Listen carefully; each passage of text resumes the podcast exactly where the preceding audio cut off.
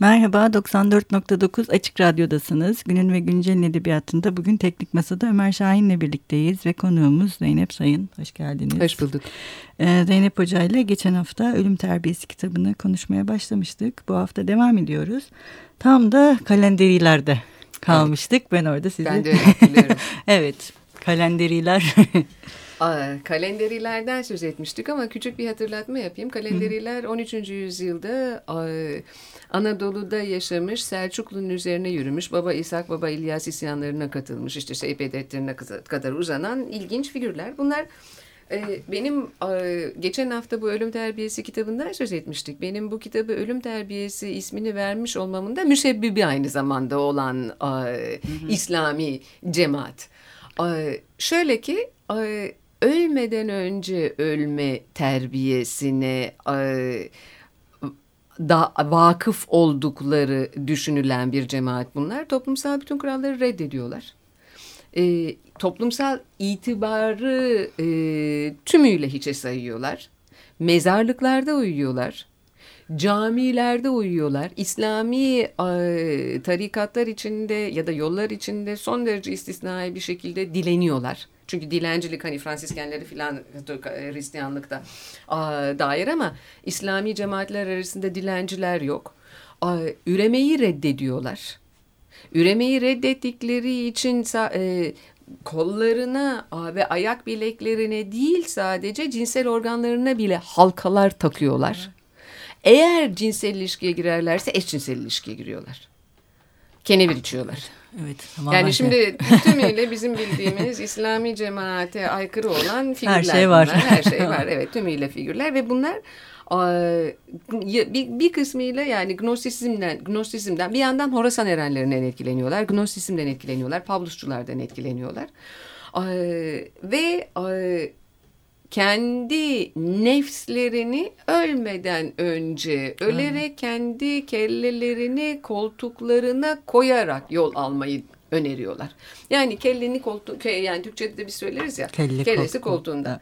Yani e, şimdi bir yanıyla böyle bir takım figürler var. Bir yanıyla e, da 1936'da Georges Bataille'in Paris'te, Fransa'da Alman nasyonel sosyalizmine karşı direniş hareketi olarak kurmuş olduğu Asefal diye bir grup var. Asefal bizim kefal sözcüğü de Asefal'le aynı hmm. a, yerden geliyor. Oh, yani a, a e, negasyon.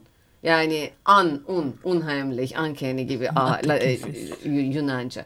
Yani kafasız demek. Yani başlarından olmuş demek. Şimdi Andre Mason'un da böyle ilk de, 8 tane dergi çıkarıyor George Batar. Bu Asefal dergisi çıkarıyor. Ondan sonra bir daha çıkmıyor bunlar.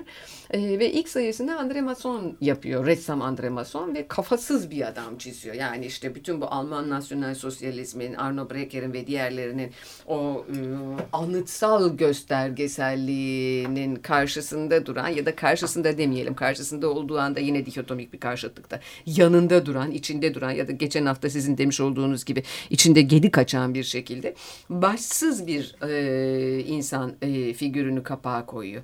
Şimdi Başsızlık her türlü başlangıcın karşısında oluyor demek. Her türlü başlangıç anlatısının karşısında oluyor demek. Yani başlangıç, baş, kendi yol açtıkları üzerinde kayıtsız şartsız hüküm süren ilksel ilke anlamındaki bu Yunanca arke sözcüğü vardır ya hani Hı-hı. bu patriarkat ya da işte architecture yani mimarlık kavramının da arkesi olan. O arke her şeyin kökeni, her şeyin başı demek. Her şeyin başın, her şeyin tek bir başta toplanması yani başın tekeline, başın monopolüne şiddetle itiraz eden e, figürler 1936'daki direniş hareketini oluşturan George Bataille'ın da ön ayak olduğu asefaller 13. yüzyılda da kalenderiler. Şimdi benim kalenderilerle bu asefal grubunu bağdaştırmamın nedeni her ikisinin de direniş hareketi hmm, olmasıydı. Hmm, evet, kesinlikle. Yani ve ölüm terbiyesinde bu ikisini bir araya getirmemin nedeni de aslında yani bir tırnak içinde bizim doğudan bir tırnak içindeki batıdan iki ayrı güzergahı iki ayrı serüven ya da macera güzergahını birbirine sarmallayarak aslında Bab Aziz diye çok harikulade bir film vardır. O filmin de başlangıcında harikulade bir alıntı vardır. Tanrı'ya giden birçok yol vardır. Yaşayan nefsler kadar. Yani dolayısıyla nefsler aslında kadar. son derece farklı olduğu düşünülen bu iki güzergahında son derece yöndeş yerlere vardığını tartışmak içindi. Bunu niye tartıştım? Çünkü geçen hafta bıraktığımız yerden hı hı. devam ediyorum. Dolayısıyla bütün bu cümlelere bütün bu cümleleri kurma hakkında oradan alıyorum. Tabii, yani lütfen. şimdi ölüm terbiyesi diye bir e, kitap yazmıştım. Onu konuşuyorduk ve o ölüm terbiyesinin ölüm terbiyesi iki anlama geliyordu aslında. Yani bir tanesi ben ölümün tehdidiyle terbiye etmeye niyetleniyorum. Yani ölümü siyasallaştırarak bak ha ben senin e, hem seni sadece öldürürüm değil bak ha ben senin ölün üzerinde de tahdit uygularım. Ben senin ölün üzerinden de senin hatırlanmamana, senin ölü e, belleğinin e, diri tutulmamasına yol açarım. Çünkü nedir aslında yani geçen hafta bir ayrımdan söz etmiştim. Yani ayrım diye bir şey varsa eğer ayrım insan ile ceset arasındadır. Çünkü ceset insan değildir ama bir ikinci ayrımımız daha var. O da şu ki ayrım aynı zamanda ölü ile imge arasında.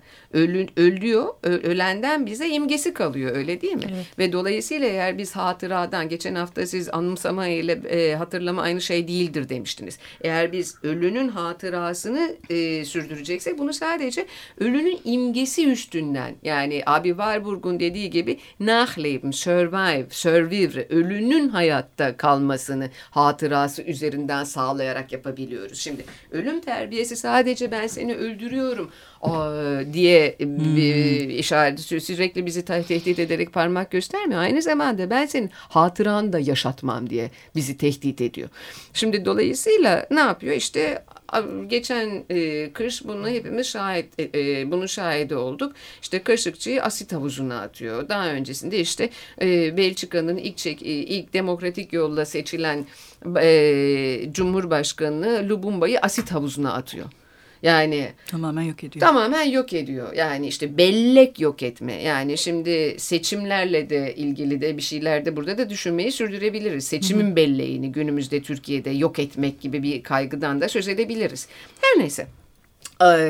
bir de bunun karşısında ölüm terbiyesinin bu türden tehdit bir bu türden tehditkarlığının karşısında bir de ölmeden önce ölmeyi bize öneren ve dolayısıyla ölümün siyasallaştırılmasına meydan okuyan alttan geçen alt böyle bir takım yüzyıllardır süren direniş hareketi olarak varlığını koruyan bir takım mecralar var. Ölmeden önce öl, kendi bedenini kendini ceset gibi taşı ve ve bu dünyadaki ölüm üzerinden e, siyasallaşan bütün iktidarlara meydan oku. diren, meydan, meydan oku. Evet. diye bir gelenek var. Evet. Yani beni bu geleneğin e, sürdüğü iz ilgilendirdi. O yüzden kalenderilere verdim. Evet. Kalyada kalenderlerden hareket ettim. Zaten o noktada geleneği de eleştiriyorsunuz. Hani gelenekçilerin aslında ne kadar geleneksiz olduğu ve bunun e, tamamen o e, Elbette canım. Tabii hiçbir şekilde yani muhafaza edilen hiçbir şeyin hani muhafazakarlar tarafından muhafaza edilmeyen gelenekten de bahsediliyor tabii canım, zaten. Yani, tabii ki yani aslında yani düşünsenize şimdi e, Martı projesi diye bir şey çıktı. E, Mimar Sinan Camii'nin temelleri çatladı. Yani hangi gelenek? Mimar Sinan Camii'ne al alüminyum biz çıkma balkonlar yapıyoruz. Hangi gelenek? Evet. Yani gelenek denilen yani gelenek sözcüğü çok güzel bir sözcük. Çünkü gelene ekliyorsunuz aslında. Evet, gelen gelenek ve ek doğru. Gelene güzel. eklemlenen bir şey gelenek. Yani evet. şimdi ay, hangi gelenek? Geleneğe eklemlenmiyorsunuz ki. Siz geleneğin hatırasını ima etmek. Çünkü yeni bir e, yeni bir e, sözüm ona gelenek oluşturmak zorundasınız. Evet. Yani Hobsbawm'dan biliyoruz hepimiz Tabii. gelenekler icat edilen İ, şeyler. İcat ediyorlar. Ama evet. yani şimdi a, tarih ile mitos arasındaki farkı da konumlandırmak lazım. Tarih diye bir şey var. Gelenek tarihe dair olan bir şey. Ama tarih mitosu yaratmak diye bir şey var. Evet.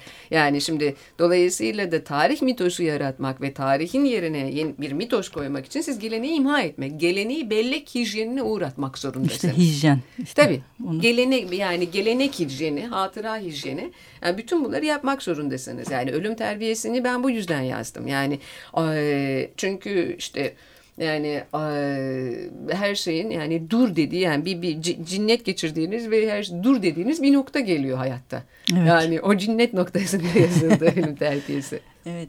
Aslında bu ölüm terbiyesi hani ölüm bize varlığı da tabii varlığı da konuşmayı beraberinde getiriyor ve aslında ee, yine e, kitapta beni en çok etkileyen şeylerden birisi işte dünyayı kurtarmak, dünyada kurtulmak hmm. ve kendini dünyaya iade etmek. Hmm. Yani iade etmek. Hmm. Kendi varlığımız üzerine ölümden yola çıkarak düşünmek. Hmm. Bu da aslında sanırım o terbiyenin başka bir şekli değil mi? Hmm. Varlık olarak bizim bu dünyadaki ne diyelim konumlanma halimizi hmm. yeniden e, tartışmaya açan belki kendi içimizde gedik açan bir şey.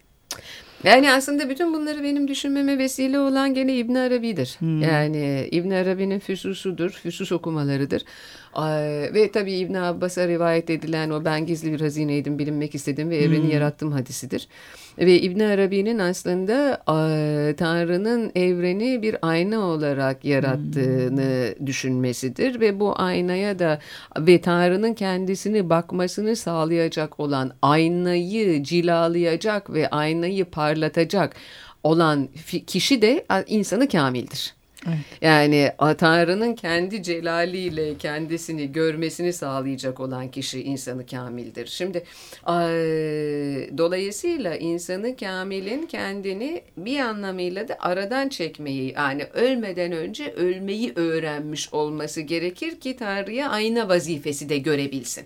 Şimdi dolayısıyla son derece harikulade Şehristan'ın de üstünde durduğu iki tane de bu arada Türkçe'de harika çevirisi var Şehristane'nin. Yani Agamben'in de üstünde durduğu Şehristane'nin 754 Kur'an-ı Kerim'de e, bir, bir, bir, bir, bir, bir alıntıladığı bir yer var. O da şunu diyor ki yaratılış ile Kur'an'dan söz ediyorum. Yaratılış ile emir birbirinden ayrıdır diyor. Şimdi Tanrı evren bu şöyle yorumlanıyor ya da yorumlanabiliyor. Yani Tanrı evreni yarattı ama Emir de insanın yani bu aynayı cilalayarak Tanrı'nın kendisini seyretmesine kadir olabilmesi. Başka bir ifadeyle bu dünyayı parlatması, bu dünyayı güzelleştirmesi, bu dünyayı a, nazikçe cilveyle, tecelliyle cilve aynı kökten geliyor biliyorsunuz. Yani a, hmm. cilveyle bu hmm. tecelliyi a, parlatıyor olması. Yani insanı kamil olmaya kadir olması. Ve dolayısıyla da bu dünyadaki kurtuluşun Tanrı'ya değil insana dair olan bir eylem, bir süreç olduğu. Şimdi ilahiyatı böyle okuyabiliriz. Tabii. Yani İslamiyet'i de böyle okuyabiliriz. Tabii. Yani Hı. İslamiyet'i böyle okuduğumuz noktada e, o zaman e, kalenderileri, kalen, kalenderilerin işte melamilerin ve diğerlerinin hurufilerin, açtığı, hurufilerin e, açtığı yoldan e, okuyarak aslında İslamcılığa karşı bir takım başka damarları durmadan vurgulayabiliriz.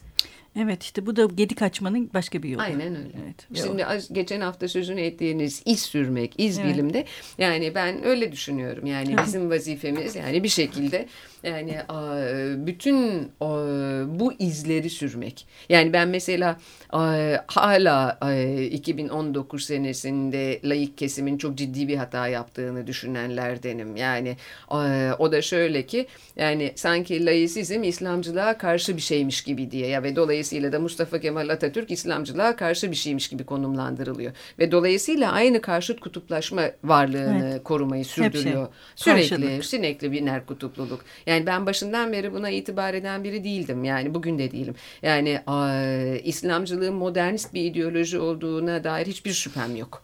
Yani modernizmden neşet etmiş olan ama İslamcılıktan değil. İslamiyet'in içindeki bir takım direniş kana bir takım direniş mecralarından biz söz edersek bu ve onları da tarihçi ya da imge bilimci ya da işte iş sürümcü olarak bunları açığa çıkarmaya çalışırsak yani bu karşıtlığın içinde de ben gedik açabiliriz diye düşünebilir evet. düşünenlerdenim. Yani hı hı. dolayısıyla sanatın ve siyasetin ve düşün evet düşüncenin yani sanat ve siyaset diye o anlamda ayrışma, ayrımda olmadığını düşünenler. Tam da düş, tam da düşülen bir şey. Evet, Gerçekten evet. yine onu da söylediğiniz gibi. Ee, ama işte bu tam da söylediğiniz şeyler e, yeni bir düşünce pratiğini hep beraberinde getiren şeyler. Ve bu düşünce pratikleri de yani bu şekilde ölüm terbiyesindeki düşünce pratikleri de işte tıpkı mesela e, iki programdır kelimeler ve kelime, kelimelerin hmm. farklı çağrışımları ve anlamları üzerine konuştuğumuz gibi anlamı her seferinde aslında yakalamayı başarabilmek. Çünkü hmm. anlam da uçucu bir şey. Öyle değil Tabii. mi? İmge gibi. Tabii. Dolayısıyla hani bir ne diyelim kelimelerin sözlük anlamları var. İşte açık, sabit, hiç Tabii. değişmeyen ya da işte sözde etimolojileri var. Şöyleydi böyle deyip ama aslında e, bir de onların kendi bulundukları ne diyelim haleleri içerisinde hı hı. bir yakalanacak halleri var. Bizim onları da sanırım bu şekilde fark edebilmemiz gerekiyor. Bu da bu terbiyenin içinde olan bir şey herhalde. Tabii ben de öyle yani aynen öyle de düşünüyorum zaten. Yani sözcüklere inanmak değil, güvenmek. Hı hı. Yani inanç çünkü başka bir şey. Sözcüklere biat etmek değil. Bütün o sözcüklerin anlamlarına hepsi çünkü onları gezici gösterenler. Yani geziyorlar. Yani bir takım şeyleri evet, gösteriyorlar ama gezerek yani böyle evet. gösteriyorlar.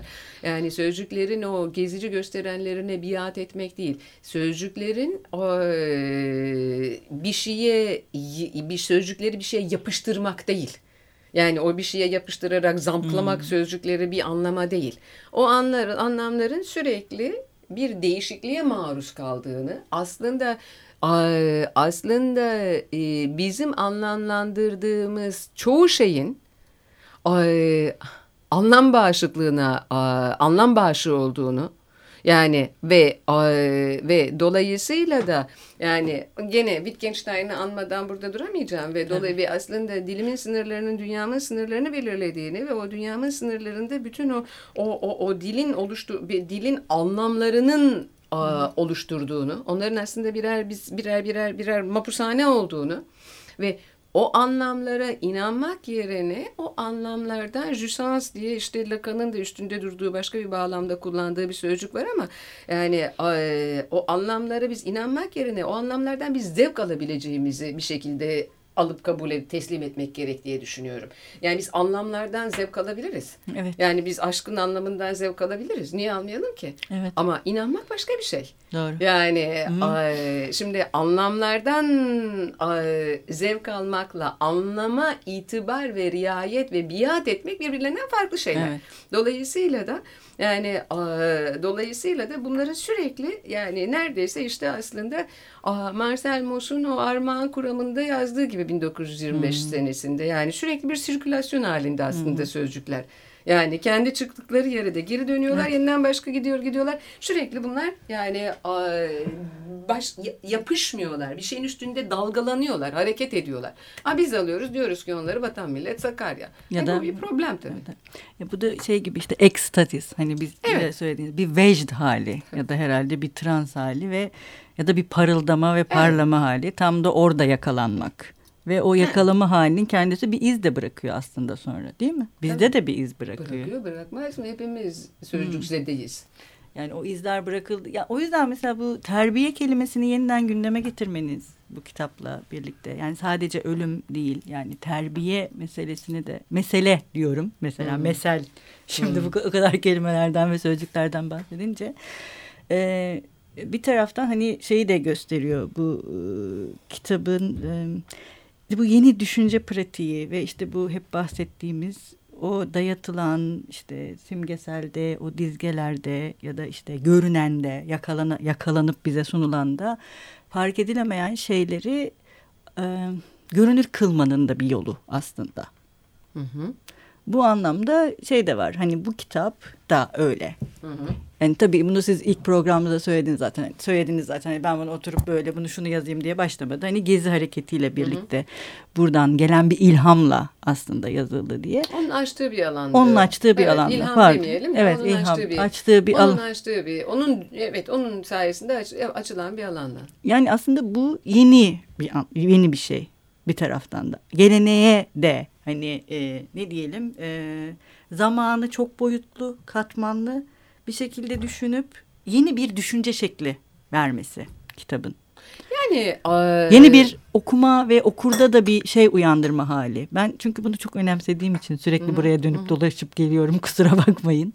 Ee, bunun bu şekilde yazılmış olması da bir düşünce pratiği açısından gedik oluşturmak için iyi bir şey bence yöntem.